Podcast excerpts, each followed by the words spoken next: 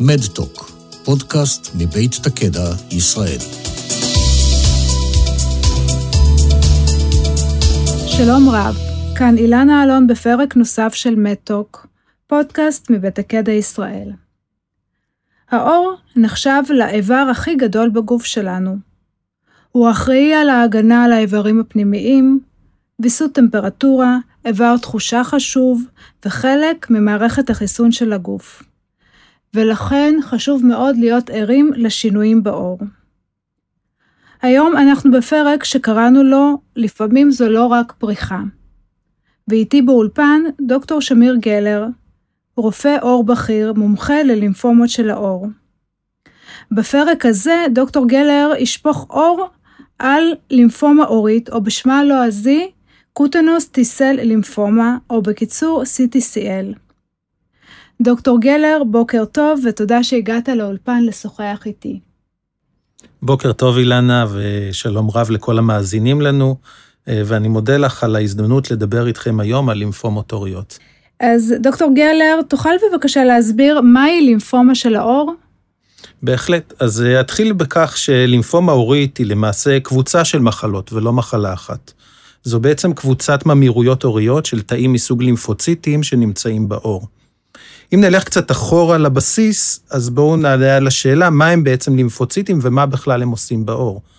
אז לימפוציטים הם חלק ממערכת החיסון של הגוף שלנו, ותאים לימפוציטים נמצאים בעיקר בזרם הדם ובבלוטות הלימפה שפזורות בגוף שלנו. אבל הם נמצאים גם באופן תקין באיברי גוף שונים, כולל ברקמת העור. שם הלימפוציטים מסייעים בהגנה על העור מפני חיידקים, רעלנים ועוד איומים שונים, אליהם בעצם העור שלנו חשוף. חשוב להבין שיש כמות קטנה של תאים לימפוציטים בעור של כל בן אדם ובן אדם, וזה חלק מהמבנה והתפקוד התקין של העור. אז לימפומה עורית, לפי מה שאני מבינה, הכוונה היא לסרטן של תאים לימפוציטים שמקורם בעור? בדיוק. אנחנו בעצם מדברים על תאי לימפוציטים שנמצאים בעור, ועוברים שינוי לממירות, לסרטן, במהלכו אותם תאים מתחלקים בקצב מהיר, ללא בקרה, ואותם תאים גם לא מתים כמו שהם אמורים להיות, כך שבעור הולכים ומצטברים כמויות גדולות מאוד של תאים לימפוציטים לא תקינים. עכשיו, אותם תאים לימפוציטים סרטניים נמצאים באזורים בעור בהם הם בכלל לא אמורים להימצא. מעבר לזה, התאים של הלימפומה בעצם הם לא תקינים והם לא מקיימים את התפקוד החיסוני שלהם, הם גם מפריעים לתאים של מערכת החיסון התקינים שנמצאים סביבם בתוך העור מלפעול, וגם מפרישים חומרים שונים שקוראים לעוד לימפוציטים להגיע לאזור. אז הריבוי הזה של התאי הלימפה, זה מה שרואים על פני העור? בהחלט, הסימנים אצל המטופל משתנים לפי סוגי הלימפומה העורית. כמו שפתחתי ואמרתי בתחילת דבריי, לימפומה של העור הינה קבוצה של סרטני עור, אשר נבדלים זה מזה בסוג התאים המעורבים ובמראה הקליני ובתלונות של המטופלים. יש לימפומות עור של תאי לימפוציטים מסוג B, בהם בדרך כלל אנחנו רואים גוש אחד או מספר קטן של גושים ורודים או אדומים שבולטים מעל פני העור, ולעומת זאת, כאשר מדובר בלימפומה של תאי T בעור, או בשפה המקצועית CTCL, קוטנוס טיסל לימפומה, אז לרוב הביטוי אצל המטופלים הוא של פריחה עורית. בדרך כלל הפריחה מפושטת, היא מתקדמת מאוד לאט. חלק מהמטופלים מספרים על פריחה שנמשכת, באה וחולפת, לעתים אפילו שנים לפני שעושים את ההבחנה. במטופלים רבים יש גם תלונות על גרד נלווה לפריחה, ולעיתים המצב דומה למחלות עור כמו אקזמה, אטופיק דרמטיטיס או פסוריאזיס, בעיקר בלימפומה העורית הנפוצה ביותר של תאי T, אשר נקראת מיקוזיס פונגוידס, או בקצרה MF. נשמע שמדובר בהבחנה לא פשוטה. אתה מדבר על מספר מחלות בעלות ביטויים שונים, חלקם מחלות עור שאולי יותר נפוצות. יש הרבה תתי סוגים של מחלה, נשמע מורכב. בהחלט, הבחנה של לימפומה עורית יכולה להיות מאוד מאתגרת גם לרופאי עור מיומנים. ובמטופלים רבים יש איחור בהבחנה לעיתים של שנים רבות. אז באמת, איך, איך בסופו של דבר נעשית ההבחנה? אז המפתח להבחנה זה מודעות ודרגת חשד גבוהה מצד הרופא המטפל. וכאשר אפשרות של לימפומה עורית עולה על הפרק כגורם לתלונות המטופל, נגע עורי שגדל מהר, פריחה מפושטת כרונית, גרד נלווה, אז צריך לבצע ביופסיה של העור. בעצם אנחנו לוקחים פיסת עור בקוטר של 4 עד 5 מילימטר מאזור הפריחה, שמכילה את כל שכבות העור, ומסתכלים עליה תחת המיקרוסקופ. זה למעשה הבסיס ההכרחי להבחנה של לימפומה עורית. אז אחרי שנעשית הביופסיה, מה, מה בעצם אתה מחפש באותה ביופסיה? מה רואים שם? אז ראשית ניתן לראות את כמות תאי הלימפוציטים בעור. בלימפומות רואים כמות גדולה, לעתים עצומה, של תאים לימפוציטיים, בעלי מבנה לא תקין.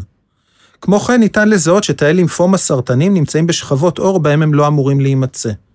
דבר נוסף שעושים על דגימת העור שנלקחה בביופסיה, הוא צביעות ובדיקות גנטיות על הביופסיה לכל מיני סמנים שבעזרתם מאפיינים את סוג התאים, והאם מדובר בתאים תקינים או תאים סרטניים. שילוב של כל הממצאים האלה בביופסיה, יחד עם המראה של הפריחה ויחד עם תלונות המטופל ומשכן, בעצם עושה את ההבחנה. וניתן למעשה אז לומר מהו סוג הלימפומה ההורית ממנה המטופל סובל. אז אני מבינה שבעצם האבחון הוא חלק אה, קשור בבדיקה פיזית של המטופל, תלונות שלו, וכמובן הבדיקה של הביופסיה. ואכן, אחרי שקורית ההבחנה המדויקת, אתה מתחיל מיד לטפל? אז לא בדיוק. קודם כל אנחנו צריכים להבין מהו שלב המחלה.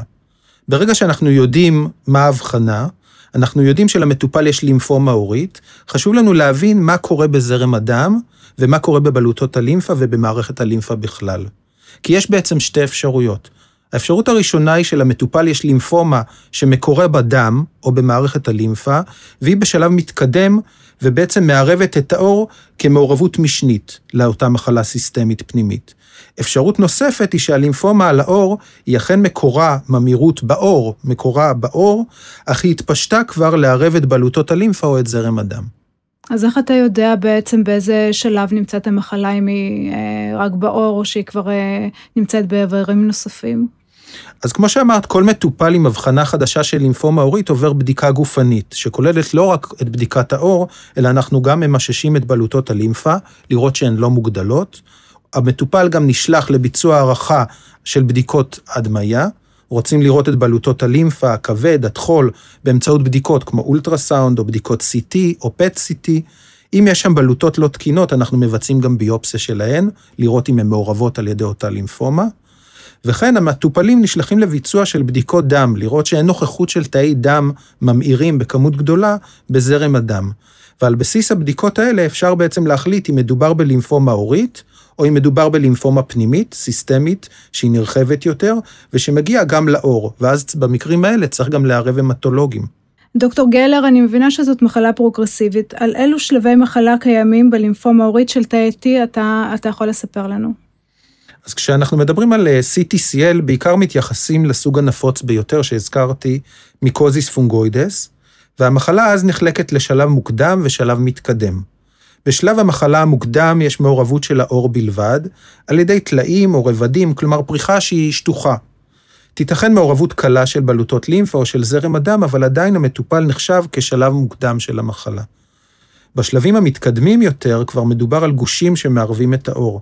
זה שלב שאנחנו קוראים לו שלב טומורלי של המחלה, מלשון טיומור באנגלית, גידול, או פריחה שמערבת שטח שהוא מעל ל-80% משטח הגוף. בהמשך יש שלבים מתקדמים עוד יותר, שבהם יש מעורבות מאוד ניכרת של בלוטות הלימפה, או זרם הדם, ואפילו איברים פנימיים שבעצם מאוכלסים על ידי אותם תאים סרטניים של mycosis fungoides. אז למעשה ב mycosis fungoides יש שלב התחלתי ושלב מתקדם. כיצד אתה מטפל בכל שלב ושלב? אז mycosis fungoides בשלב ההתחלתי, שם עיקר המחלה נמצא בעצם על העור, והמחלה נמצאת שטחית יותר ולא בעומק של העור. אז במצבים האלה הגישה היא לטיפול מוכוון אור, מה שנקרא Skin Directed Therapy באנגלית. טיפולים מקומיים, משחות, קרמים, טיפולים באור, קרינה אולטרה סגולה, בעיקר מסוג נרובנד UVB.